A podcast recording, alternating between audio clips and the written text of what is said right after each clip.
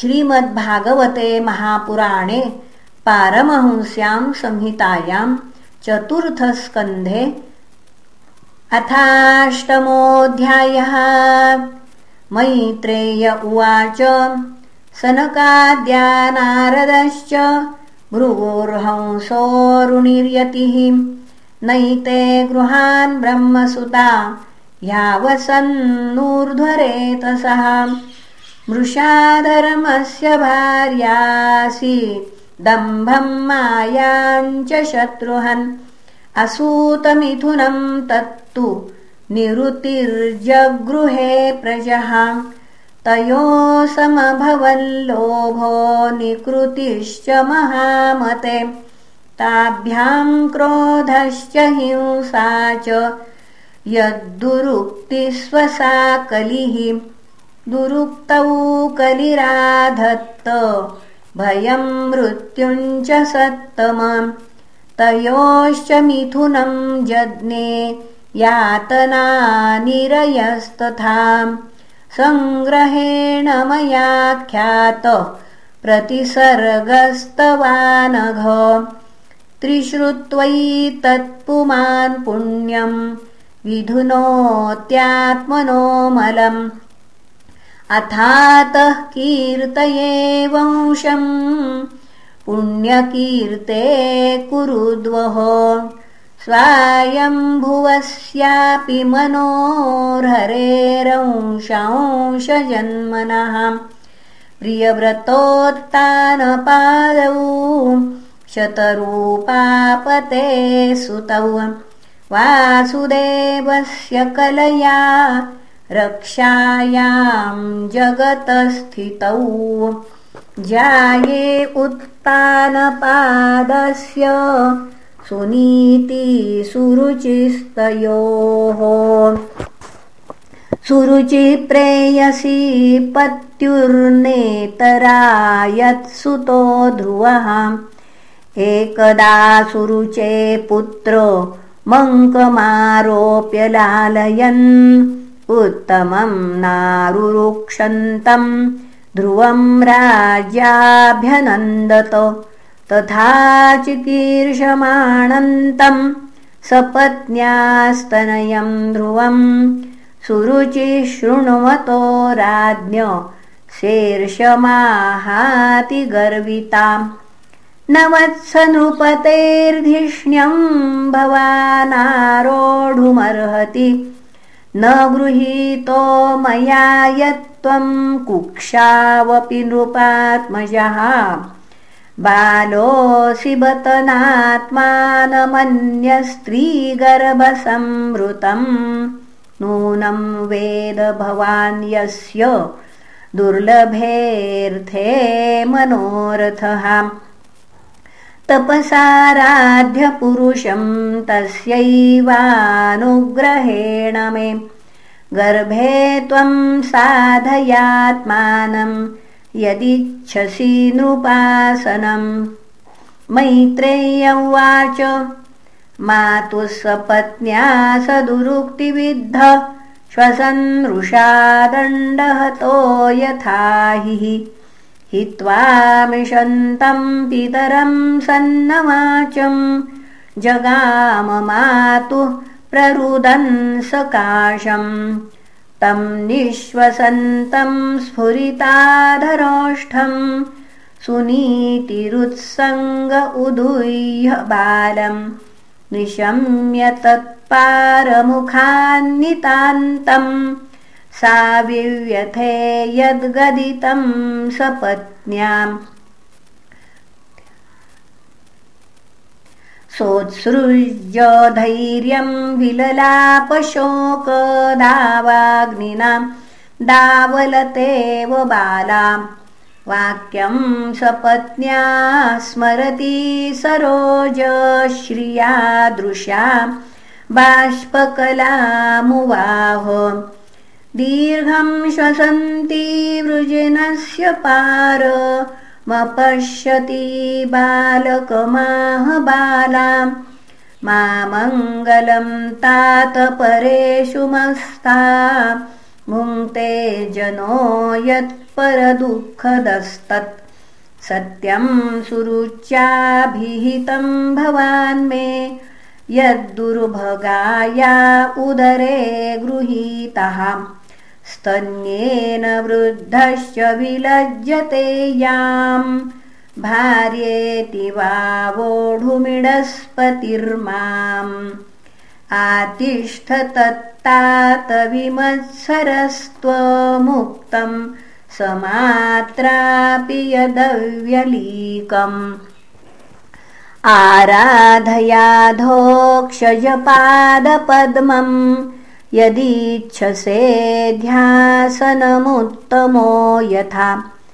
यस्याङ्घ्रिपद्मम् परिचर्य विश्वविभावनायात् गुणाभिपत्तेः अजोऽध्यतिष्ठत् खलु पारमेष्ठ्यम् पदम् जितात्मश्वसनाभिवन्द्यम् तथा मनुर्वो भगवान् पितामहो यमेकमत्या पुरुदक्षिणैर्मखैः।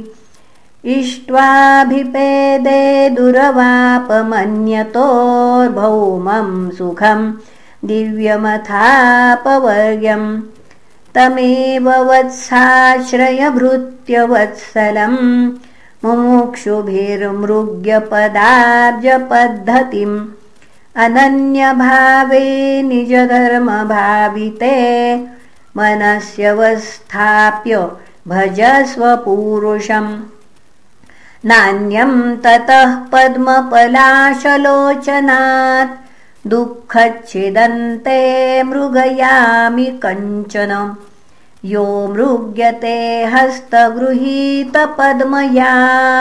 श्रियेतरम् पुनः श्रियेतरैरङ्गविमृग्यमाणया। मैत्रेय्य उवाच एवं सञ्जल्पितं मातुराकर्ण्यार्थागमं वचः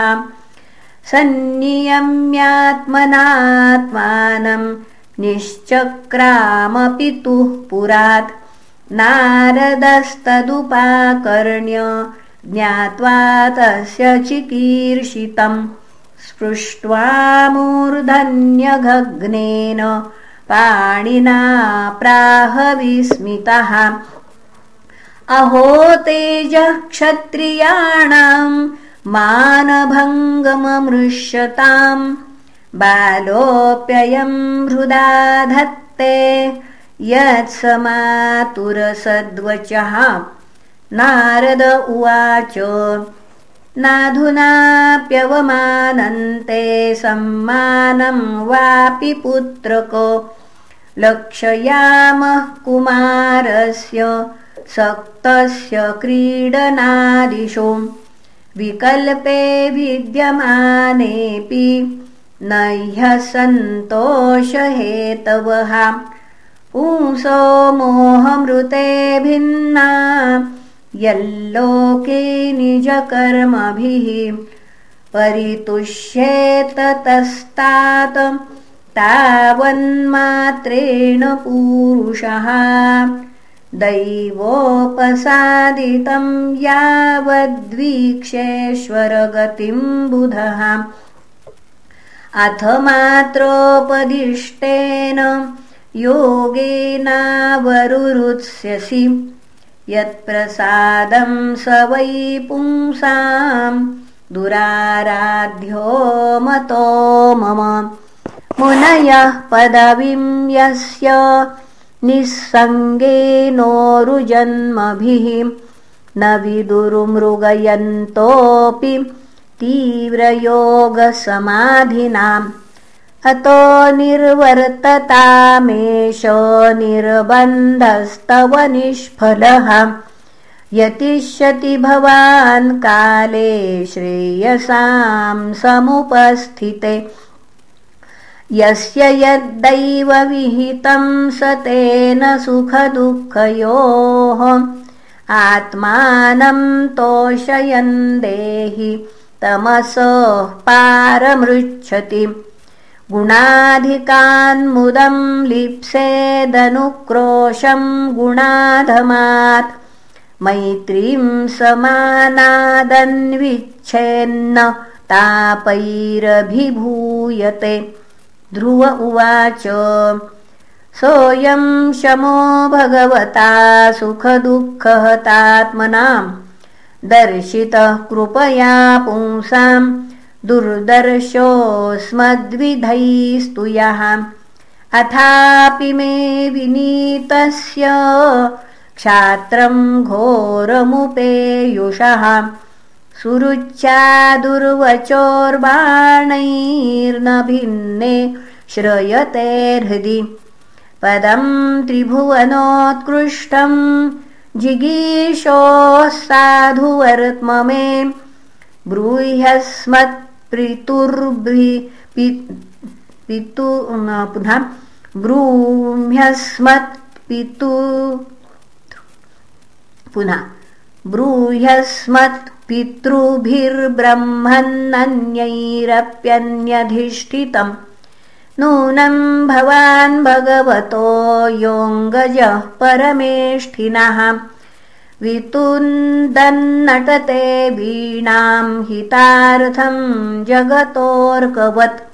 मैत्रेय्य उवाच इत्युदाहृतमाकर्ण्य भगवान् नारदस्तदा।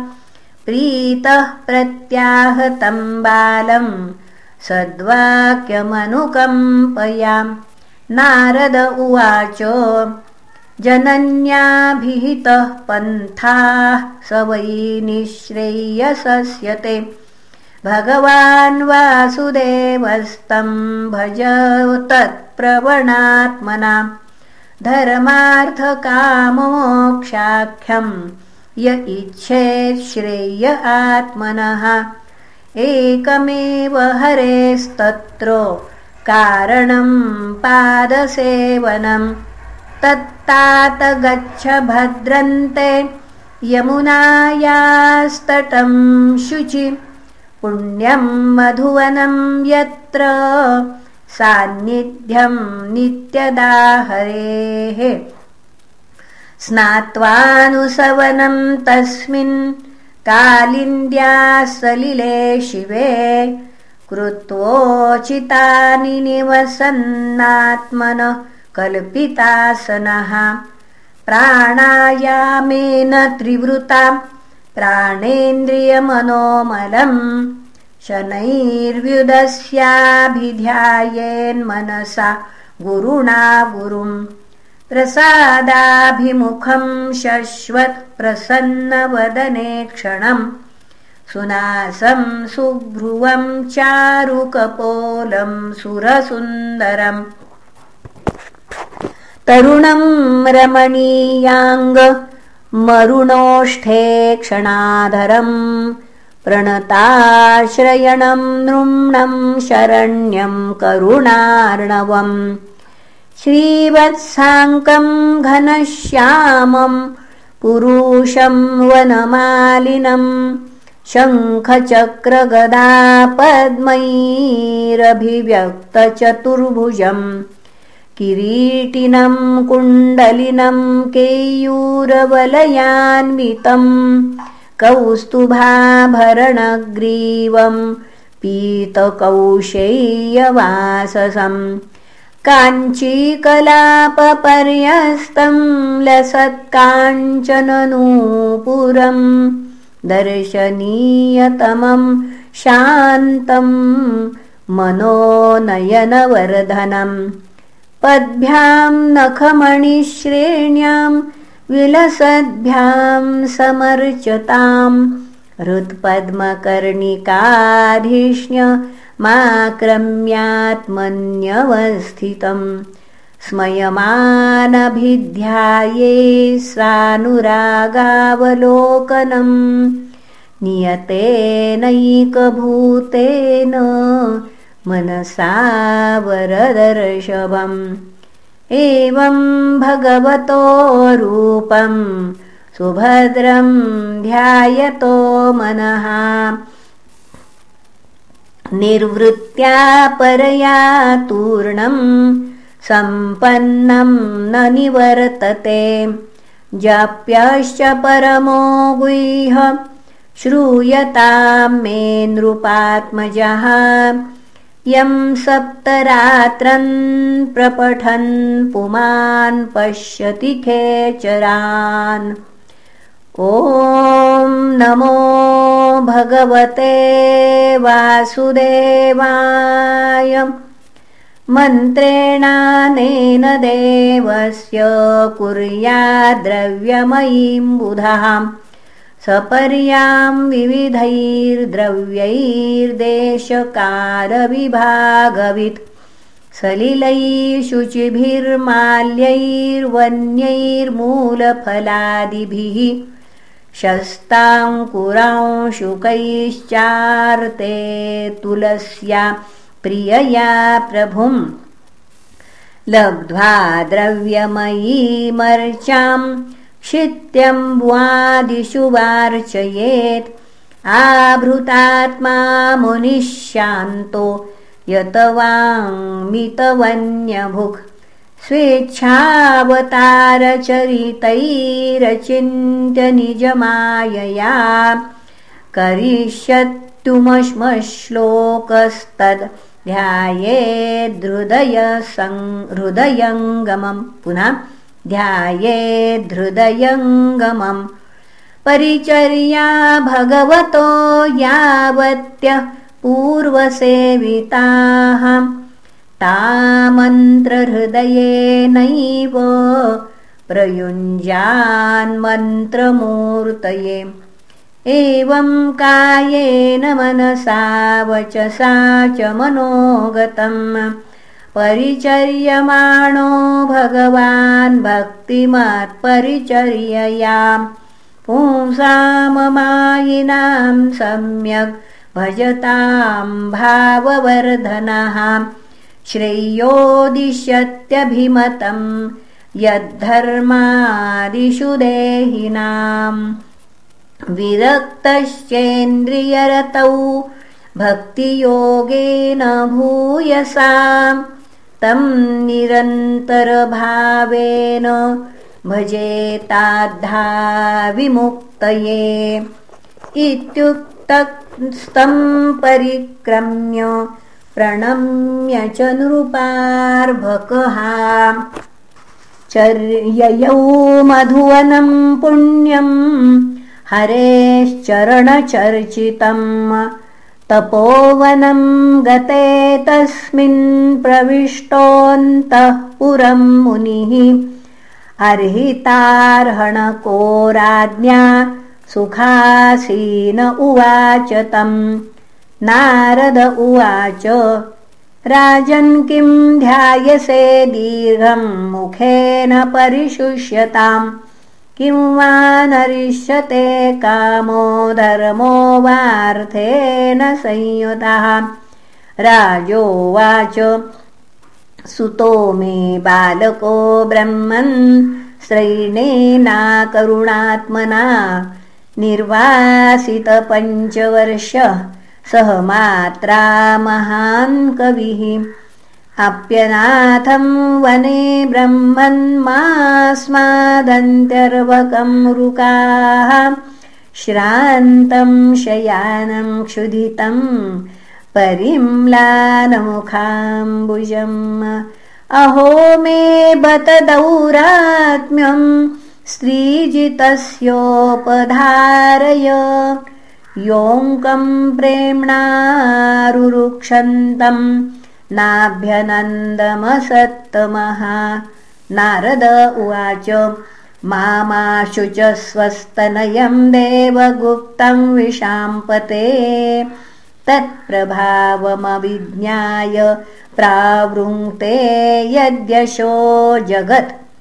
सुदुष्करं कर्म कृत्वा लोकपालैरभिप्रभुः ऐषत्यचिरतो राजन् यशो विपुलयंस्तव।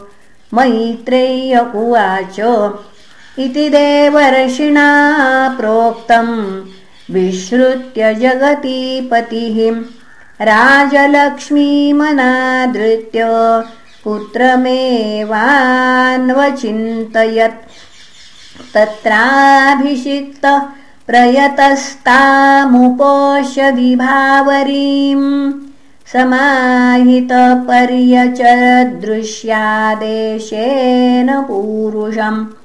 त्रिरात्रान्ते त्रिरात्रान्ते कपित्थबदराशनः आत्मवृत्त्यनुसारेण मासं निन्येर्चयन् हरिम् द्वितीयञ्च तथा मासं षष्ठे षष्ठेर्वको दिने तृणपर्णादिभिः शीर्णैः कृतान्नोऽभ्यर्चयाद्विभुम्।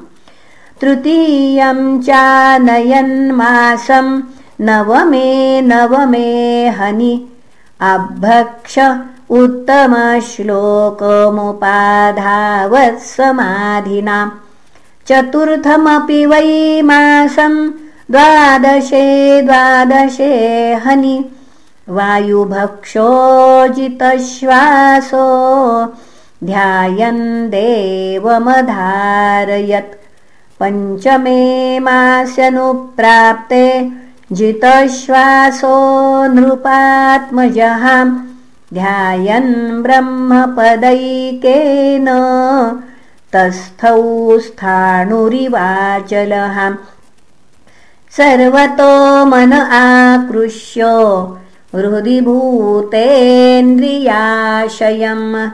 ध्यायन् भगवतो रूपम् नाद्राक्षित् किञ्चनापरम् आधारम् महदादीनाम् प्रधानपुरुषेश्वरम् ब्रह्मधारयमाणस्य त्रयो लोकाश्च कम्पिरे। यदैकपादेन स पार्थिवार्भकस्तथौ। पुनः यदैकपादेन स पार्थिवार्भकस्तस्थौ। तदङ्गुष्ठ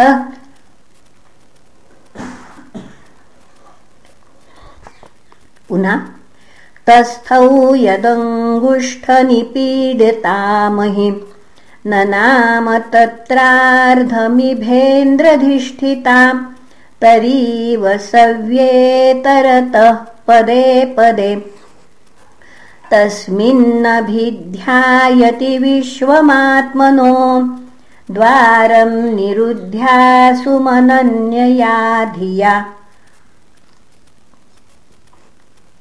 लोकानिरुच्छ्वासनिपीडिता भृशम् स लोकपाला शरणं ययुर्हरिम्। देवा ऊचुः नैवं विदामो भगवन् प्राणरोधम् चराचरस्याखिलसत्त्वधाम्नः। विधेहि तन्नो वृजिनाद्विमोक्षम् प्राप्ता वयम् त्वाम् शरणम् शरण्यम् श्रीभगवानुवाच। मा भैष्टबालम् तपसो दुरत्ययान्निवर्तयिष्ये प्रतियातस्वधाम। यतो हि वः प्राणनिरोध आसीद्दौतानपादिर्मयि सङ्गतात्मा इति श्रीमद्भागवते महापुराणे पारमहंस्यां संहितायां चतुर्थस्कन्धे ध्रुवचरितेष्टमोऽध्यायः। श्रीकृष्णार्पणमस्तु। हरये नमः हरये नमः हरये नमः। श्रीकृष्णार्पणमस्तु